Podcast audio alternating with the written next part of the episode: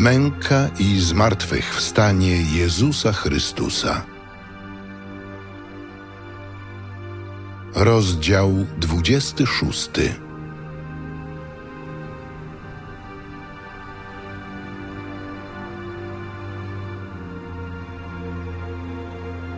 Gdy Jezus dokończył wszystkich tych mów, rzekł do swych uczniów: Wiecie, że za dwa dni jest Pascha i Syn Człowieczy będzie wydany na ukrzyżowanie.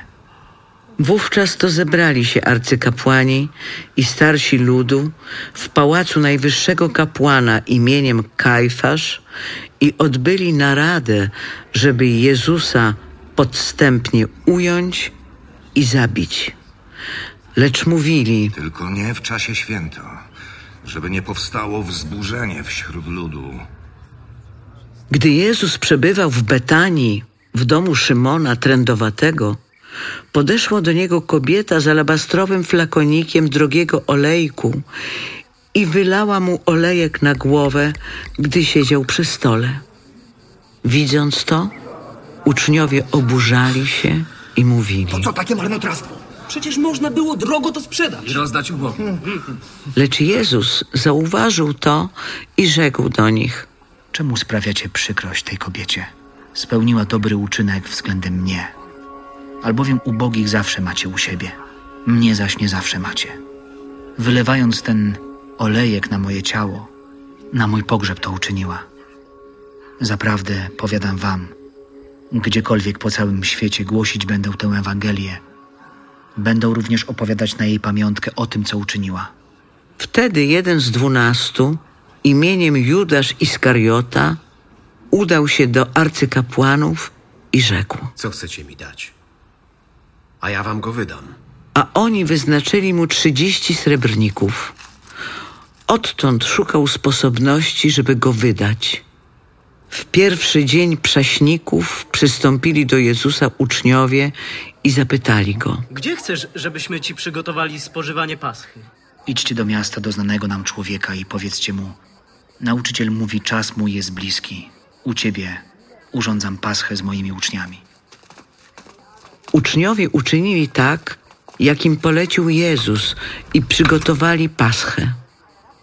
Z nastaniem wieczoru zajął miejsce u stołu razem z dwunastu uczniami. A gdy jedli, rzekł: Zaprawdę, powiadam wam, jeden z was mnie wyda. Bardzo tym zasmuceni zaczęli pytać jeden przez drugiego. Chyba nie ja, panie. Ten, który ze mną rękę zanurzył w misie, ten mnie wyda. Wprawdzie Syn Człowieczy odchodzi, jak o nim jest napisane, lecz biada temu człowiekowi, przez którego Syn Człowieczy będzie wydany.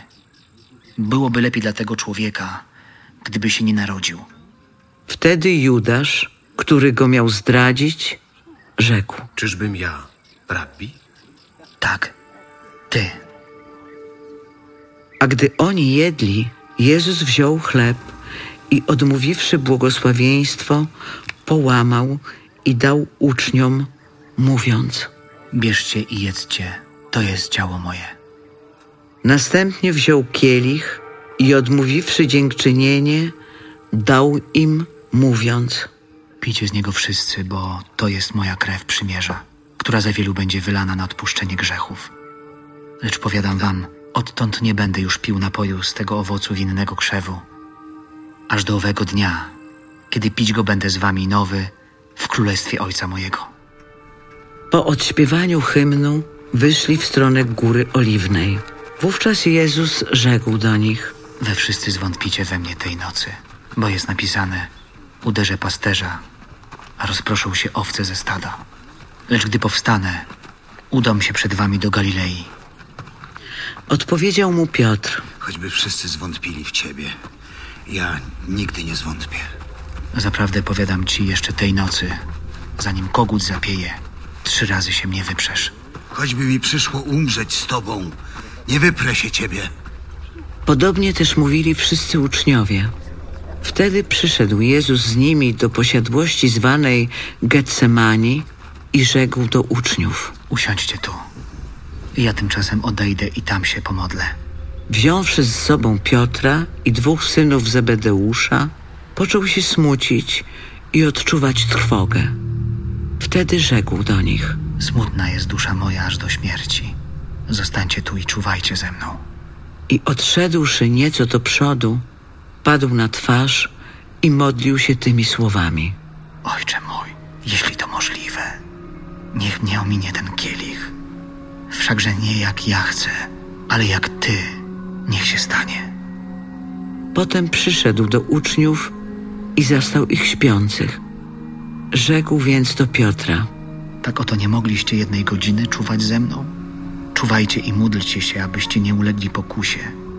Duch wprawdzie ochoczy, ale ciało słabe. Powtórnie odszedł i tak się modlił. Ojcze mój, jeśli nie może ominąć mnie ten kielich i muszę go wypić, niech się stanie wola Twoja. Potem wrócił i znów zastał ich śpiących, bo oczy ich zmorzył sen. Zostawiwszy ich, odszedł znowu i modlił się po raz trzeci, wypowiadając te same słowa. Potem przyszedł do uczniów i rzekł do nich: Śpicie jeszcze i odpoczywacie? A oto nadeszła godzina i Syn Człowieczy będzie wydany w ręce grzeszników. Wstańcie, chodźmy. Oto blisko jest mój zdrajca. Gdy on jeszcze mówił, oto nadszedł Judasz, jeden z dwunastu, a z nim wielka zgraja z mieczami i kijami od arcykapłanów i starszych ludu. Zdrajca zaś dał im taki znak. Ten, którego pocałuje, to właśnie on. Jego pochwyćcie. Zaraz też przystąpił do Jezusa, mówiąc Witaj, rabbi. i pocałował go. A Jezus rzekł do niego. Przyjacielu, po coś przyszedł. Wtedy podeszli, rzucili się na Jezusa i pochwycili go. A oto jeden z tych, którzy byli z Jezusem, wyciągnął rękę, dobył miecza i ugodziwszy sługę najwyższego kapłana, odciął mu ucho. Wtedy Jezus rzekł do niego: Włóż miecz na swoje miejsce, bo wszyscy, którzy za miecz chwytają, od miecza giną. Czy myślisz, że nie mógłbym poprosić ojca mojego, a zaraz wystawiłby mi więcej niż dwanaście zastępów aniołów? Jakże więc wypełnią się pisma, że tak się stać musi? W owej chwili Jezus rzekł do tłumów: Wyszliście z mieczami i kijami jak na zbójce, żeby mnie ująć. Codziennie zasiadałem w świątyni i nauczałem, a nie pochwyciliście mnie. Lecz stało się to wszystko, żeby się wypełniły pisma proroków. Wtedy wszyscy uczniowie opuścili go i uciekli. Ci zaś, którzy pochwycili Jezusa, zaprowadzili go do najwyższego kapłana Kajfasza, gdzie zebrali się uczeni w piśmie i starsi. A Piotr szedł za nim z daleka aż do pałacu najwyższego kapłana.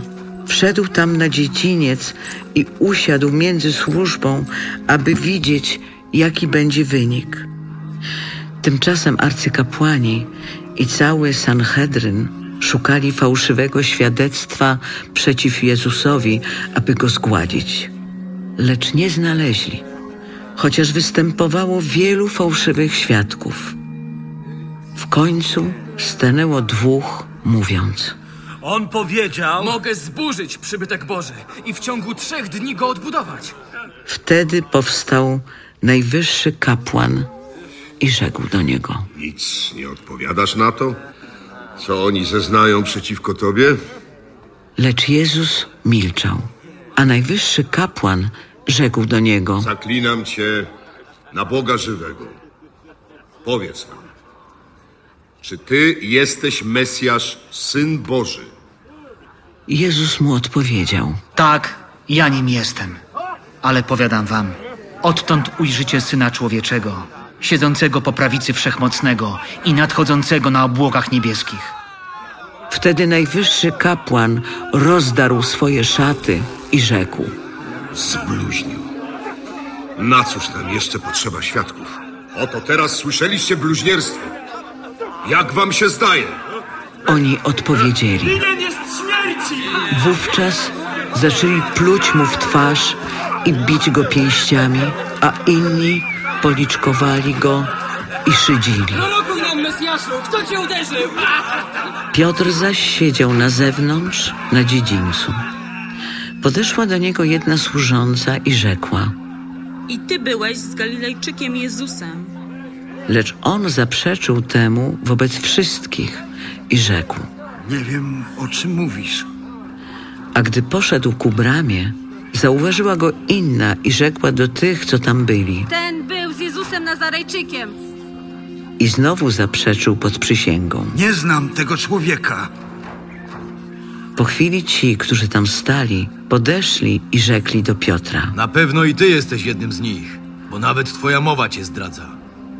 Wtedy począł się zaklinać i przysięgać, Nie znam tego człowieka. a natychmiast zapiał kogut. Wspomniał Piotr na słowo Jezusa, który powiedział: Nim kogut zapieje, trzy razy się mnie wyprzesz. Wyszedł na zewnątrz i gorzko zapłakał.